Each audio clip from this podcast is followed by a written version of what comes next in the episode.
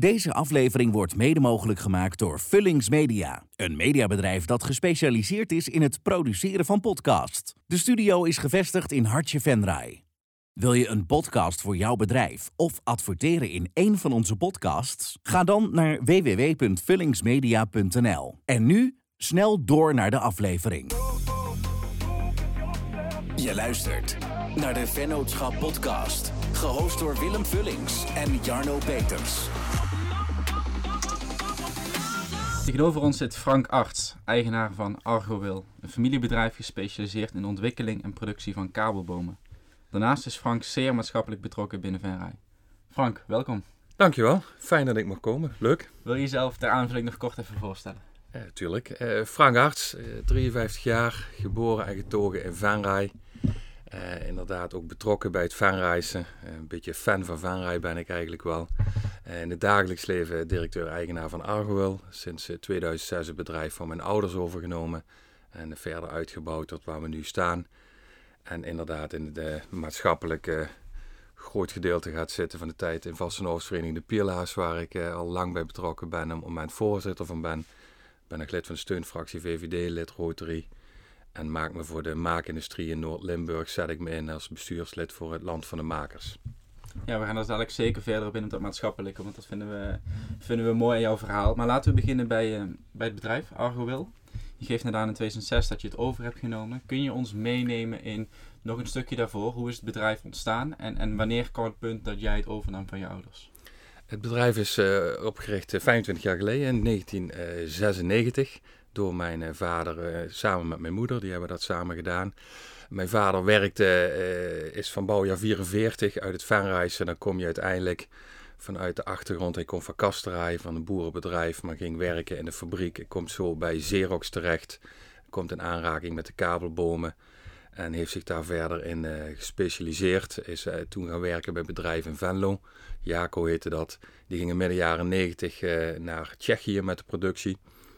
Dat was rond 4,95. Toen was mijn vader dus 50. En die dacht, ja, ik ga niet iedere week naar Tsjechië vliegen om daar van alles te doen voor die kabelbomen. Um, hij had er ook weinig vertrouwen in. Het ging onder de druk van DAF en kostprijzen. Grenzen waren nog niet open. Um, dus hij heeft toen een klein, echt bij ons thuis in de garage begonnen. Met de, de, de producten te maken die niet goed waren of kleine dingen aan te vullen. Met name voor DAF en OC. Uh, daar is hij 96 mee begonnen. In 798 ging Jaco BV ging, uh, helaas failliet. Uh, onder de ellende van DAF, wat later Pakka werd. Dat ging helemaal mee. Dus mijn vader kreeg wat kleine klanten die Jaco had gehad erbij. En kon het bedrijf laten groeien. En is toen op Keizersveld een pand gebouwd. En het bedrijf uitgebouwd tot een man of twintig die er toen werkte. Um, ik zelf ben daarbij betrokken geraakt met het bouwen van het pand. Ik werkte toen der tijd bij Ewas Cargo Care. Uh, in het transport. Um, mijn vader is niet helemaal uh, goed in boekhouding en financieel, is een echte techneut. Kan ook het beste kabelbomen maken van iedereen. Ik kan dat absoluut niet. Ik heb twee eigenschappen die daar heel slecht voor zijn. Ik ben A, zeer onhandig en B, zeer ongeduldig. Dus ik moet het van andere dingen hebben. Um, dus daar heb ik mijn vader wel eens bij ondersteund. we hebben er al veel over gesproken. En uiteindelijk heb ik in 2003, september, besloten om uh, bij mijn vader te gaan werken en dat twee jaar het bedrijf over te nemen. En hoe kwam je toen binnen in het bedrijf? Want je zegt al van ik ben onhandig en ongeduldig. Welke functie ging je bekleden? Was dat die administratieve kant? Ja, op, op bedrijfskantoor. Dus orders inzetten, planning maken en, uh, en een stukje sales. Mijn vader was ook degene die de vakman met een eigen bedrijf. En die zat te wachten tot iemand belde voor een order. En ik zei, ja, je moet gewoon rondrijden en over vertellen hoe goed je bent. En uh, dat waren meer dingen. Maar uh, mijn vader was de ondernemer, uh, alles over zijn bureau. Dus die had ook de span of control met 17, 18 mensen. Daar had hij het ook heel erg druk mee. Veel meer ging niet. En hij moest er ook aan wennen. Ik kwam van het grote Ewels af. Ik had een Europese functie gehad.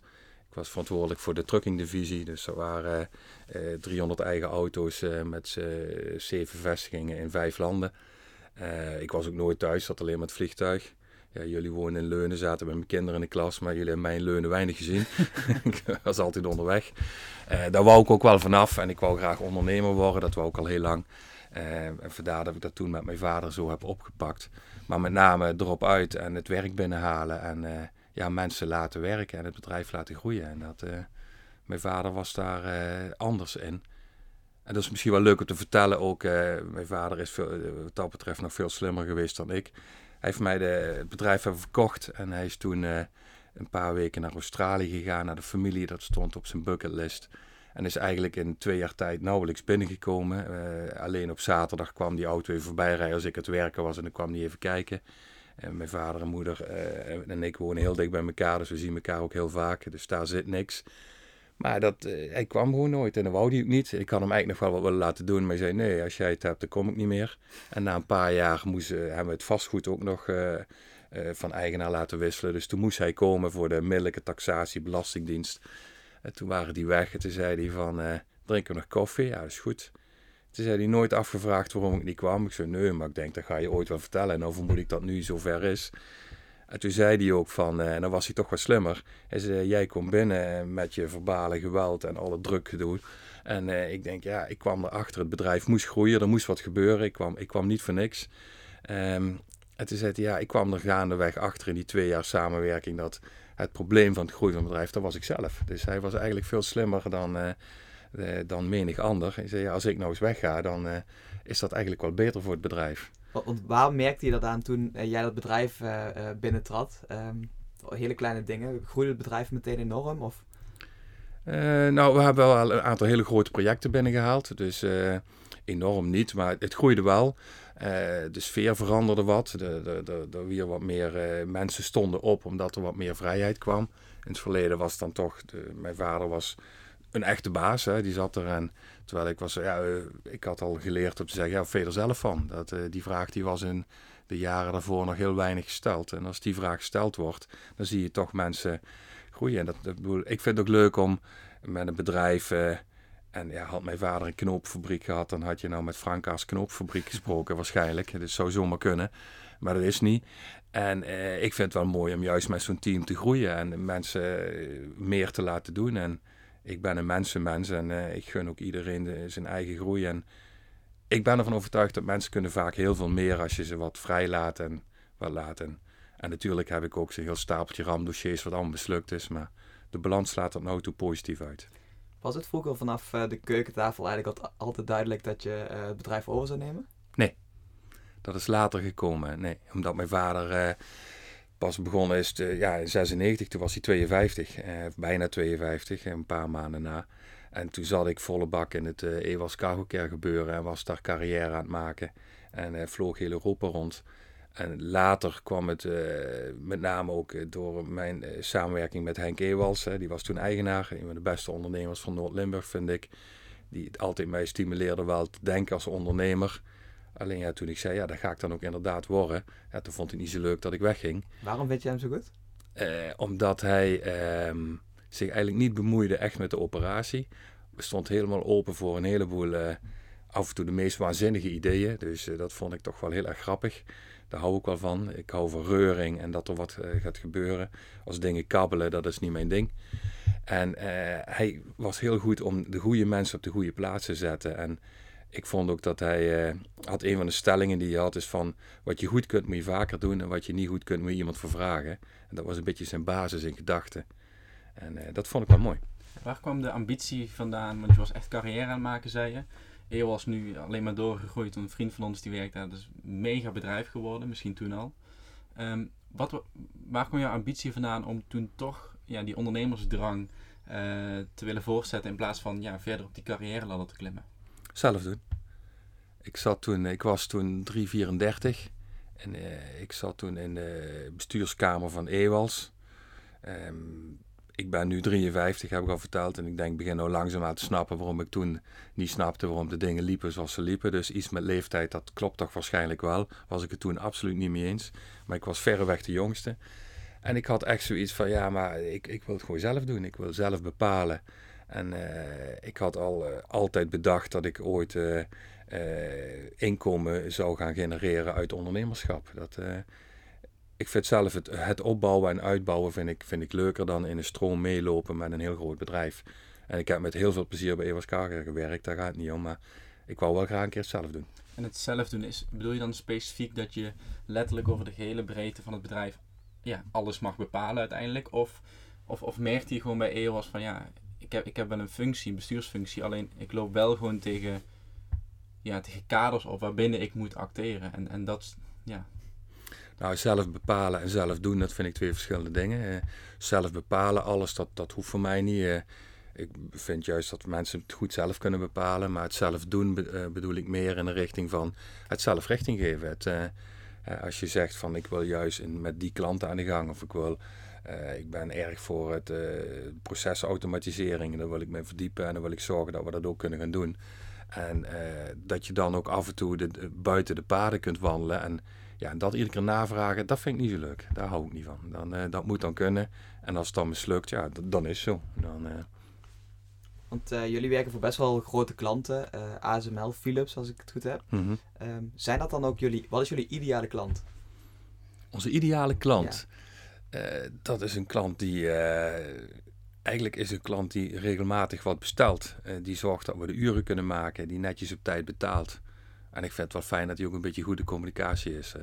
Ja, want, Eh, want en uitschelden heb ik sinds ik uit transport ben, heb ik achter mij gelaten. eh, want, want kun je kort uit, uitleggen wat een kabelboom is? Als je daar van hele grote afstand naar kijkt, ehm, eh, dat is misschien wat erg abstract, maar wij werken voor machinebouwers en in de machine heb je meestal een energiebron motor genaamd en iets in de machine die moet gaan bewegen. Dus die energie of de elektriciteit die moet, eh, of signalen moeten van die motor naar het bewegende deel en het touwtje daartussen, dat maken, dat maken wij. En dat kun je zeggen van, ja, we zitten hier zelf nou op te nemen en aan jouw laptop hangt een kabel die gaat uiteindelijk naar stopcontact. Ja, dat is dan ook een kabelboom. Het is een beetje eenvoudiger, maar dat is het eigenlijk. En we dragen gewoon energie over en zorgen dat dingen gaan bewegen in machines. En zijn er dan ook eh, projecten waar jullie nee tegen zeggen? Ja, we zitten natuurlijk ook een bepaalde technische begrenzing zitten we aan. Ehm, nee zeggen is, ja, sommige dingen kunnen we niet. Eh, bijvoorbeeld hele moeilijke oplossingen met glasvezel. Dan heb je bepaalde machines voor nodig, die hebben we niet. Ehm, en het merendeel, als je echt tegenaan loopt, is eh, bijvoorbeeld militaire oplossingen waar jij heel moeilijk moet gaan inkopen. En daar zijn we te klein voor, want dan krijgen we hele grote bestelhoeveelheden en dergelijke. En dan kunnen we niet goed aan de materialen komen. En wat echt gaat gebeuren op het moment dat projecten heel groot worden en kostprijs gaat eh, het belangrijkste item worden, en dat kan hè. Kijk, eh, wij kunnen best wel een miljoen stuks per jaar maken. Maar ja, dan kun je beter even gaan googlen en dan naar Oost-Europa, naar China gaan. En in die prijzenslag willen wij niet mee. We willen wel in een niche blijven. Wij zijn specialisten. Ja, jullie maken dus echt maatwerk. Wat ik me altijd afvraag binnen de maakindustrie, en dat komt denk ik ook omdat het totaal niet eh, mijn en onze branche is, maar laatst las ik een artikel over ASML en het ging dan over al hun toeleveranciers. Nou, we komen er nu achter, jullie zijn ook een van die toeleveranciers. Maar bijvoorbeeld een ASML is inmiddels zo groot, dan vraag ik me altijd af van waarom blijven ze heel veel gebruik maken van al die toeleveranciers, in jullie geval op het gebied van de kabelbomen, en waarom halen ze het niet in-house? Omdat eh, het, dat- principe dat is ooit uitgeprobeerd en ook heel succesvol. Hè? De, de voorloper waar eh, ASML uit voorkomt is daar een voorbeeld van. En meneer Frits Philips die deed van zand tot klant. En eh, die regelde dat allemaal. En die heeft is er ook achter gekomen in Philips dat dat op een gegeven moment niet meer werkt. Omdat ehm, je kunt eh, niet overal de specialist in zijn. En je kunt juist met eh, in toeleverketens kun je toch zorgen dat jij eh, de specialisten beter kunnen ontwikkelen. Mensen kunnen voor meerdere bedrijven werken, anders word je ook heel erg log. Je bent flexibeler. Je kunt ook zeggen, ik bestel soms wat meer, soms wat minder. En dan heb je niet die mensen daar zitten die allemaal betaald moeten worden. Dus, dus als je de keten wat opsplitst, word je gewoon in totaal flexibeler. En ik denk door die, eh, het, het opzwepen van die keten, dat mensen ook gewoon eh, getriggerd worden om beter te worden. Dus uiteindelijk krijg je meer specialisten erbij. Nadeel is natuurlijk wel op het moment dat jij niet goed omgaat met leveranciers. eh, en je bindt ze niet aan je, kun je het moment meemaken dat je wel spullen wil bestellen, maar dat je ze niet krijgt. Dus dat, dat is een beetje de balans die je moet zoeken. En wat kan dan de reden zijn om het wel in-house te halen? Als niemand het wil doen, of dat het zo specialistisch is dat het niet kan. En heb jij sinds de overname van Argowil, dus sinds je het van je vader overnam, heb jij toen, want we hebben het nu over die niche, echt die kabelboom, heb je daar nog verdere keuzes in gemaakt of was dat al echt de niche van, van het bedrijf? Dat was de niche van het bedrijf al. Het enige wat wij, eh, of het enige, maar wat we er onder andere aan toegevoegd hebben, is eh, los van een stukje eh, processen, planning en dergelijke, maar qua werkzaamheden. Een eh, draadje moet ergens op, aan of in en dat willen we er eigenlijk ook graag bij doen. Dus dan krijg je toch het woord subassemblies. Dus we schroeven nou ook dingen in elkaar. dus we zeggen tegen, de lever, tegen onze klanten van we leveren niet alleen de kabelboom, maar ook een stukje ijzerwerk of iets dergelijks waar die kabel uiteindelijk in moet. Dus, en dan leveren die een module. Dus je kruipt dichter tegen je klant aan, zodat je een, een meer volledig product levert wat past in hun eindproduct. Zodat, omdat zij nog meer uit willen besteden vaak. Uh, je gaat het stokje binnenkort overdragen aan nu jouw compagnon Freek. Uh, weet je al wanneer en hoe dit in zijn werk gaat? Of? Daar is wel wat over gesproken en uh, we hebben wel een tijdspad voor de komende jaren uitgestippeld. En natuurlijk moet je daar wat afspraken over maken. Maar zo heel concreet hebben we dat nog niet. nee, dat, dat, dat groeit gedurende het proces. Dat wil je ook nog niet. Wat wil je nog niet? Wil, wil je het, wil je het zeg maar, um, hoe zeg je dat? Wil je het verkopen eigenlijk? Heb je, dan, heb je nog nieuwe ideeën om daarna te gaan doen, zeg maar? Ja, ja, ja. ja. Dus ik heb, ik heb het bedrijf, dat heb ik ook tegen mijn vader gezegd toen ik het overnam. Ehm, ik zeg ook, ja, om nou te voorkomen dat je dadelijk als oud mannetje uh, zegt, uh, de zoveelste generatie arts moet in het bedrijf komen. Ik zeg, ik zou daar niet op rekenen. Ik ga het groter maken, ik ga het uitbreiden en dan nog een keer verkopen en dan ga ik nog wat nieuws doen. Dat is in ieder geval mijn plan. En um, je zegt groter maken. Wat zijn voor jou echt uitdagingen als, dat ook, als je een bedrijf groter maakt? Uh, dat zijn natuurlijk, je moet de klanditie vinden. Nou, dat is een, dat is een hele makkelijke. Maar ik denk wel dat uh, op het moment dat een bedrijf hard groeit, en we hebben een paar jaar op rij echt forse groei gehad, uh, de zo overbekende groeistuip, en dat is toch het personeel. Mensen moeten mee kunnen, moeten het, kunnen, het ook kunnen begrijpen. Een beeldspraak van Henk Evers was wel een keer bij mij, die heb ik nooit vergeten. Ik, ik heb een tijdje in Engeland in Colchester gezeten. En uh, daar moest ik eigenlijk naartoe. En uiteindelijk heb ik er vier, vijf maanden gewoond. En ja, die zeggen ook van ja, het doet je werken goed, maar ik heb er helemaal niks aan. Ik zei, nou, dat is ook fijn. Hij zei, eh, je, je, moet zeggen, zien als een beeldspraak. Je rent met z'n allen op de atletiekbaan. Jij rent voorop, dat is ook de taak, dat doe je goed. Maar je rent zo hard voorop, je hebt de laatste weer ingehaald. Je zit weer in hetzelfde rondje, dus dat schiet niet op. En dat is wel het nadeel als je hard groeit en veel verandert. Uh, dat, dat vind ik het moeilijkste, de mensen meekrijgen. Ja. Is die, eh, die groei van, van de afgelopen jaren, is dat, is dat altijd ook ambitie geweest of is dat iets wat eigenlijk gewoon organisch ontstond? Nee, ambitie. Ik heb toen heel duidelijk ook uh, het bedrijf toegekocht in 2006. Uh, toen heb ik met de bank wat afspraken gemaakt over de financiering. Uh, daar wou ik snel vanaf en weer nieuw financieren. Dat is allemaal gelukt. En toen in 2011 het pand van de buren gekocht. Met als doel daar de machineafdeling op te zetten. Nou, uiteindelijk in uh, 2012 de twee panden aan elkaar verbonden. Ik heb geen verstand van bouwen. Uh, dus daar had ik aan uh, iemand anders gevraagd. En ehm, ja, het bleek, we wouden ik in gang maken dat je niet buiten om moest lopen, zo mhm. eenvoudig. Maar toen bleek eigenlijk als je het hele perceel vol zette, dan in plaats van een gang van 100 meter is het een hal van 800 meter geworden.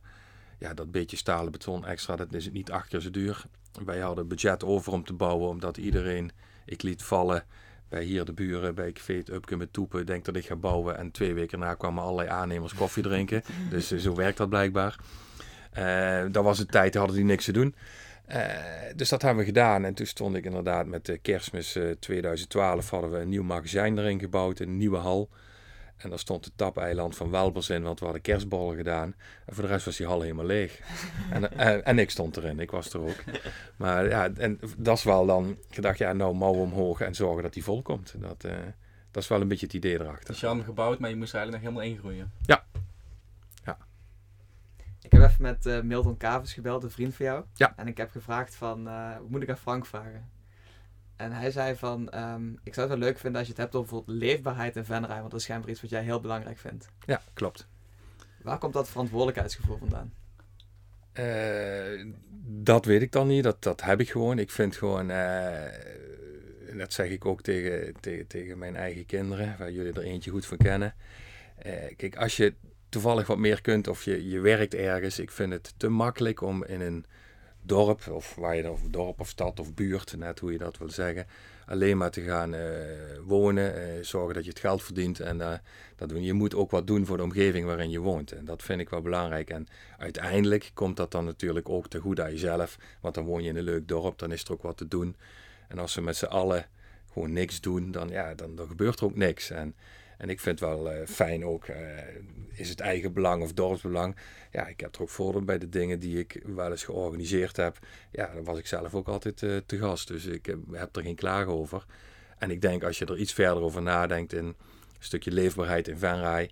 Wij zijn echt een Venraysbedrijf. De voertaal bij ons is geen Engels of Nederlands, maar gewoon plat Venrays. En dat proberen we er ook echt zoveel mogelijk in te houden. Wordt steeds moeilijker, maar dat proberen we wel. We doen ook veel in het Venraysen. En uh, we hebben ook met de bouw een groter fietsenhok gebouwd op parkeerplaatsen voor auto's. En we hopen dat de mensen gewoon op de fiets komen. Het bedrijf ligt ook de groei van het bedrijf hebben we ook bewust laten ontstaan op het industrieterrein Keizersveld, wat tegen het landweer aan ligt. Daar wonen mensen die dan bij ons mogen komen werken. Is het lastig om dat, dat karakter in het bedrijf te houden, terwijl je wel voor gewoon multinationals werkt, waar dat, waar dat, dat, dat natuurlijk helemaal niet in zit? Nee, naar buiten toe uh, hoef je dit verhaal niet te vertellen. Dat, uh, daar heb je gelijk in. Maar ik denk juist voor het, het onderling contact uh, met het personeel en de sfeer op de werkvloer. Ja, ik, ik geloof er wel in. En het, het, het, oude personeelsgebeuren, daar heb ik me in het verleden mee bemoeid. Dat doe ik nou helemaal niet meer, want daar ben ik ook niet zo goed in. Ehm, want ja, bij mij is kunnen goed fanroos. Je iedere dag om half vaak beginnen. Jo, begin maar. Contract had ik nog nooit van gehoord. Ja, dat gaat natuurlijk een keer fout. Dus dat hebben we ook meegemaakt. Maar, dat, uh, maar ik vind dat dat eigenlijk moet kunnen. Dat is ook wel wat ik straks al zei. Als je, als je bij wil, komt werken en natuurlijk, je zit of in een fabriek of op kantoor of je doet iets. Maar ja, ik, ik, ik vind het wel mooi als mensen opstaan en zelf ook wat doen en er wat van maken. En de een slaat er wat in door en denkt, ja, dat is ook wel niet helemaal de bedoeling. Je hoeft niet alles te doen. Maar daar zit een beetje de groei in. En, en als je dan met die club toch eh, op het einde van de, de dag weer de dozen in de vrachtwagen ziet gaan en het wordt geleverd. En ik heb dan het geluk dat ik ook eens mag rondrijden en ik kom bij klanten en je ziet toch daar grote machines staan en die draaien omdat uh, bij ons toch iemand wellicht een op het oog eenvoudig draadje heeft gemaakt. Maar het komt wel heel nauw als je thuis een keer gaat klussen en je doet uh, uh, met een lampje ophangen op je, in je woonkamer of keuken of slaapkamer. Je doet niet blauw op blauw en bruin op bruin. Dan moet je daarna toch naar de meterkast. Wel mooi om, om, om nu te horen van dat technisch is helemaal niet je achtergrond. Maar dan vind je het toch wel tof om dan bij een klant te komen en dan wel jullie product daar werkende te zien. Ja. Ik vind techniek heel mooi. Ik vind, ik, ik vind hoe dingen werken, dat, dat boeit mij heel erg. Dat vind ik leuk. Alleen ik, heb, uh, ik kan een aantal dingen in het leven, maar een aantal dingen niet. En ik kan het niet maken. Is dat lastig geweest, uh, met name dan de beginperiode na de overname, om zeg maar zonder die, die technische inhoudelijke kennis wel dat bedrijf te leiden? Of is het juist een voordeel geweest? Ik denk, kijk, de theoretische kennis had ik wel, dus uh, dat wel, maar het maken niet. En ik had juist, ik denk het voordeel dat ik, uh, dat je niet in het maken kunt. Misschien iets, iets praktischer, dat is voor de beeldspraak. Ik was bij EWAS verantwoordelijk voor een 300 vrachtwagens, maar ging niet zelf vrachtwagen rijden. En als je dat wel zelf gaat doen, dan kun je niet op kantoor zitten.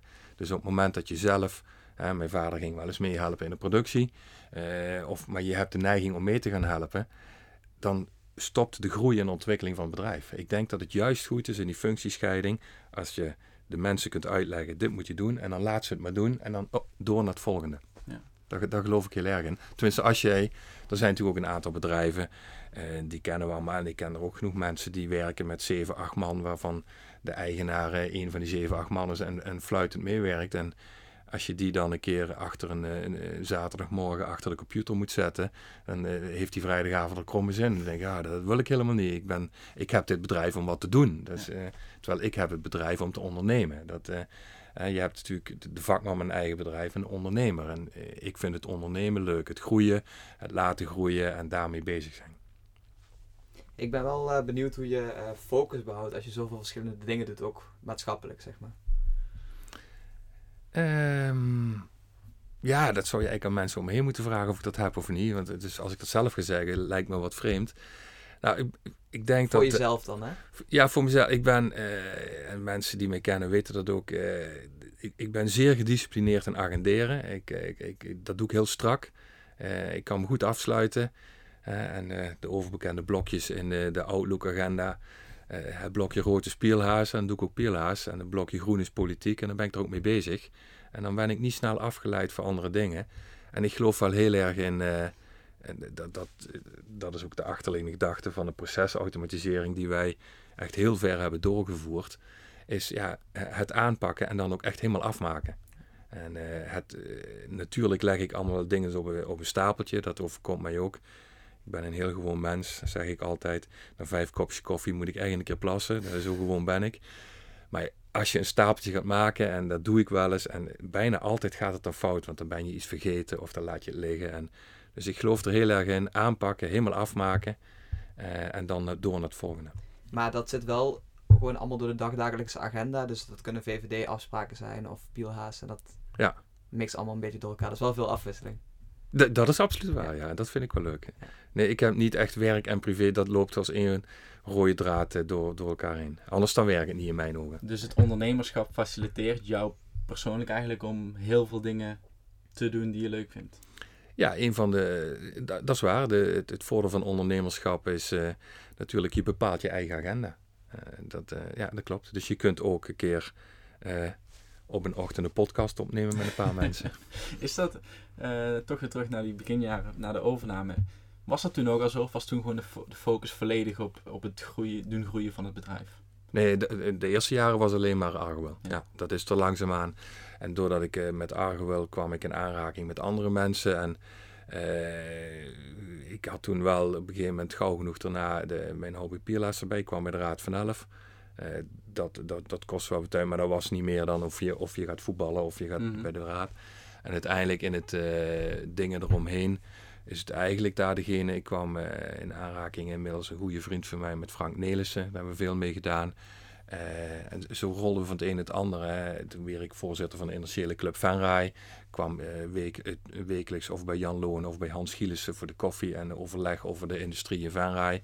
En zo kom je van het een naar het ander. En, en als je een brede belangstelling hebt en het woordje nee zit niet vooraan in je vocabulaire, vocabulaire dan, dan rol je zo van het een en het ander. Is die combi wel eens lastig geweest om, om dat allemaal te managen? Al die bordjes? Nee, vind ik niet. Ik, eh, nee, wat ik straks al een keer zei, als het begint te kabbelen, dat vind ik pas lastig. Er moet wat gebeuren. Dat vind ik. eh, en ik heb heel erg de ambitie om van dingen die je aanpakt, om er iets van te maken. Dat, eh, en, en dat is ook met die leefbaarheid fanrij. Als je dan toch in het fanreizen wat doet, dan pak het er goed aan en probeer er ook iets van te maken. En eh, dat vind ik ook al mooie mensen die, die, die iets tot stand brengen. Daar, daar, daar, daar hou ik van. Wat wilde je vroeger worden? Ja, heel vroeger op de lagere school eh, altijd eh, eigenlijk twee dingen. Eh, en dat was eh, eigenlijk heel eenvoudig. Ik wou altijd of directeur of burgemeester worden. Dat was mijn ambitie. Maar niet, spe- niet specifiek binnen een bepaald, bepaalde sector, bepaalde branche. Nee, dat was meer het idee toen de lagere school ook. En dat Ah, heeft ja. toch wel uiteindelijk zich vertaald in het zelf willen doen en het eh, sturen, leiding geven. En eh, iets tot stand brengen is dan. Maar als je op de lagere school zit, dan kom je niet zo ver met die gedachten. Dus. Maar ik was nooit degene die zei: ik word brandweerman of politie of zo. Dat, eh, Wat vind je het allerleukste aan je werk? Ja, goed. Een aantal dingen is. eh, het, leukste is dat je toch bezig bent om iets tot stand te brengen. Hè. Het is niet. eh, ik ga iedere dag. nou, ben ik bezig met het werk. En het is altijd afwisselend, maar het doel is altijd wel om iets te bereiken. Dat vind ik leuk. Of het nou werk is of sport of hobby. Ik wil altijd heel graag iets bereiken. Dat vind ik, dat vind ik er heel leuk aan. En het mooie vind ik om te zien om dat, om dat te doen met een groep mensen. Ik ben, ik ben geen Einzelganger. Ik ben een mensenmens. En, en als je dan met een club mensen dat bereikt, dat is toch wel... eh, ja, dat geeft wel een hele grote voldoening. Welke persoon inspireert je op dit moment? Ja, dat zijn er wel meerdere. Het is meer een, een, een soort persoon wat mij inspireert. En dat is de personen die wat tot stand brengen. En eh, dat, dat kunnen mensen die hele grote dingen doen, maar ook die hele kleine dingen doen. Eh, toen we net hier naartoe liepen en we pakken een, een kopje thee. En ik zie dan daar die mensen zitten die aan het werken zijn met een website en een flexplek. En dan denk ik van ja, die mensen zijn iets aan het doen wat tot stand komt. En dat, dat, vind, ik wel, eh, dat, dat vind ik wel heel mooi. En eh, dat zie ik heel graag. En eh, ja, daar kan ik wel van genieten. En dus ja, dat vind ik eigenlijk wel het leukste. Is het eigenlijk gewoon het, het vakmanschap wat je, wat je mooi vindt? Ja, dit is een vakmanschap. Ja, iets tot stand brengen is een vakmanschap. Ja, klopt. Ehm, waar ben je in al die jaren het meest trots op? En dan met name de zakelijke kant. Eh, nou, dat, eh, dat, daar ben ik eigenlijk het meest trots op. Dat als je ziet, dat zeg ik ook heel vaak in het, in het bedrijf, als we eens een keer voor de troepen staan, een stukje continuïteit en dergelijke. Dat, eh, dat vind ik wel belangrijk. En als je dan echt het meest trots op bent, ik ben dan nou vanaf eh, 2006 eh, als eigenaar bezig. En een x aantal jaren en x aantal maanden. Maar iedere maand netjes het salaris betaald aan iedereen, de continuïteit. En Natuurlijk zitten bij ons uh, werken veel dames die ook part-time werken, of ze nou wel of niet kostwinnaar zijn. Maar op het moment dat je uh, salaris, ja, mensen leven aan salaris, of je nou een tientje of 15 euro hebt. En ik vind het altijd een van de belangrijkste dingen. En ik heb, wij, ben die van Truzie maken, heb ik één keer eigenlijk accountant per direct eruit gezet, omdat hij de salarissen te laat betaalde. Daar heb ik een pesthekel aan. Dat moet gewoon kloppen. En dat heeft ook altijd geklopt. En dat, daar ben ik eigenlijk wel het meest trots op. Mooi antwoord. Hoe ziet je optimale werkweek eruit? Lekker bezig zijn. En liefst dan nog, uh, ja, ja, gewoon uh, meestal ook s'avonds. Ik ben vaak s'avonds nog bezig. Heb je en, bepaalde vaste routines in de werkweek? Nee, nee, dat valt wel mee. Het mooie is wel om af te ronden vaak, vind ik wel, op, dat je dan op zaterdagmorgen nog... tegenwoordig is het wel wat meer thuiswerken.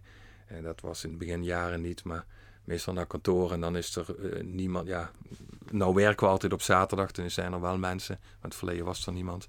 En dan uh, rustig alles afronden. Uh, ik hou wel een beetje van geordend werken en dan kun je dat mooi allemaal afronden. En dan om uur of twaalf één naar huis toe en dan smiddags of iets leuks gaan doen of gaan fietsen of golven of weet ik wat. Maar dat vind ik wel mooi. Hoe zorg jij door de hele week heen met al die bezigheden? Hoe zorg je voor een optimaal energieniveau? Of gaat dat helemaal automatisch? Volgens mij gaat dat automatisch. Uh, ik haal energie. Uh, ik, ik, ben een goede slaper. Dat, dat scheelt. Dat hoor ik wel eens van mensen. En dan zeggen we altijd: ja, wakker liggen moet je niet doen. Word je doodmoe van. Dus dat doe ik niet. Uh, ik slaap weinig, maar wel zeer efficiënt.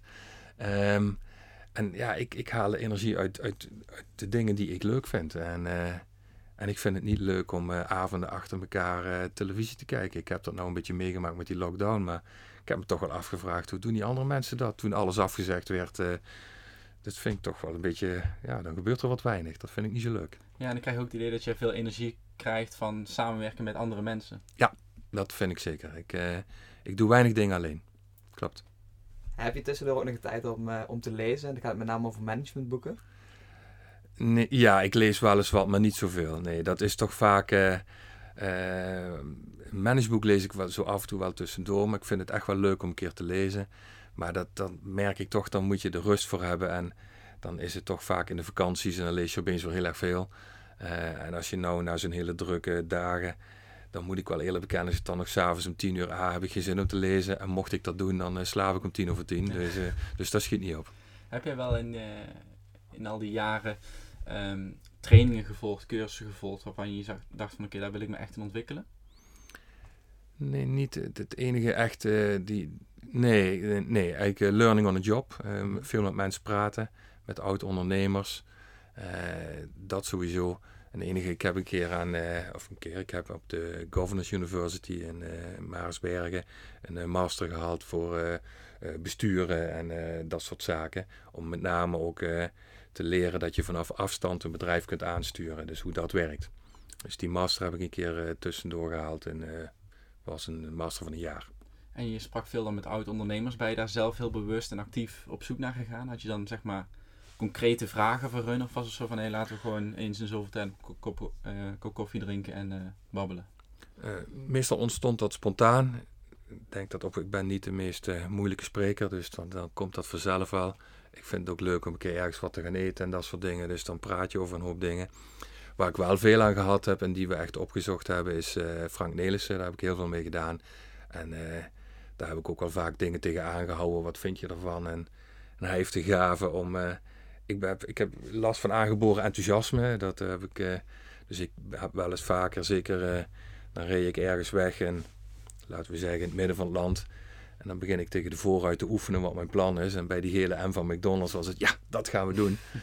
nou, dat is natuurlijk wel eens mislukt. Dus ik denk, soms denk ik, ga toch maar eens even navragen. En dat dan ook Frank Nelissen zei met een kop thee van, ja, zoiets stoms heb ik nog nooit gehoord. Dus, uh, ik heb ter voorbereiding een stuk gelezen over, uh, of tussen Bart van der Sterren en jou. Dus ik heb Bart ook even gebeld. En hij had de, de vraag, heb je een goede tip voor jonge ondernemers die nog maar net zijn begonnen? Ja, dat heb ik wel. En dat geldt voor, misschien voor alle ondernemers, maar ook voor jonge ondernemers. Is, um, dat heeft te maken met, met een bepaalde manier van tegen dingen aankijken. En uh, vaak moet ik wel eens tegen mensen zeggen van, uh, zo leef ik ook. En uh, dat, dat denk dat als je net begonnen bent, is dat heel belangrijk. Er is geen probleem of er is wel een oplossing. Dus je moet eigenlijk, mensen hebben neiging soms om te blijven hangen van er is een probleem. En ja, dan wordt dat probleem, dat staat in het midden van de tafel en daar gaat het om. Maar je moet kijken naar de oplossing. Dus je moet misschien van de andere kant naar kijken. En, en de, de geruststelling hebben, er is altijd een oplossing voor alles. En als je dat doet, dan kom, dan kom je er wel. En dan bekijk je het van links, van rechts. En je praat eens met die en met die. Maar als je heel erg op dat probleem gaat focussen, ja, je moet focussen op de oplossing, niet op het probleem. Ja. Een mooie afsluiting, denk ik. Heb jij nog een vraag? Nee, dit was ook de vraag waarmee wij hem altijd afsluiten. Dus ik okay. uh, slim gedaan. Ja. Maar uh, ja, bedankt voor je komst. Ik vond het super interessant om, jou, uh, om jouw verhaal te horen. Goed zo. Bedankt voor de uitnodiging. Ik vond het leuk om het te vertellen. En heel veel succes met jullie bedrijf. Heel goed. Top, dankjewel. Bedankt voor het luisteren naar de Vennootschap podcast. En vergeet niet te abonneren op Spotify en Apple Podcasts.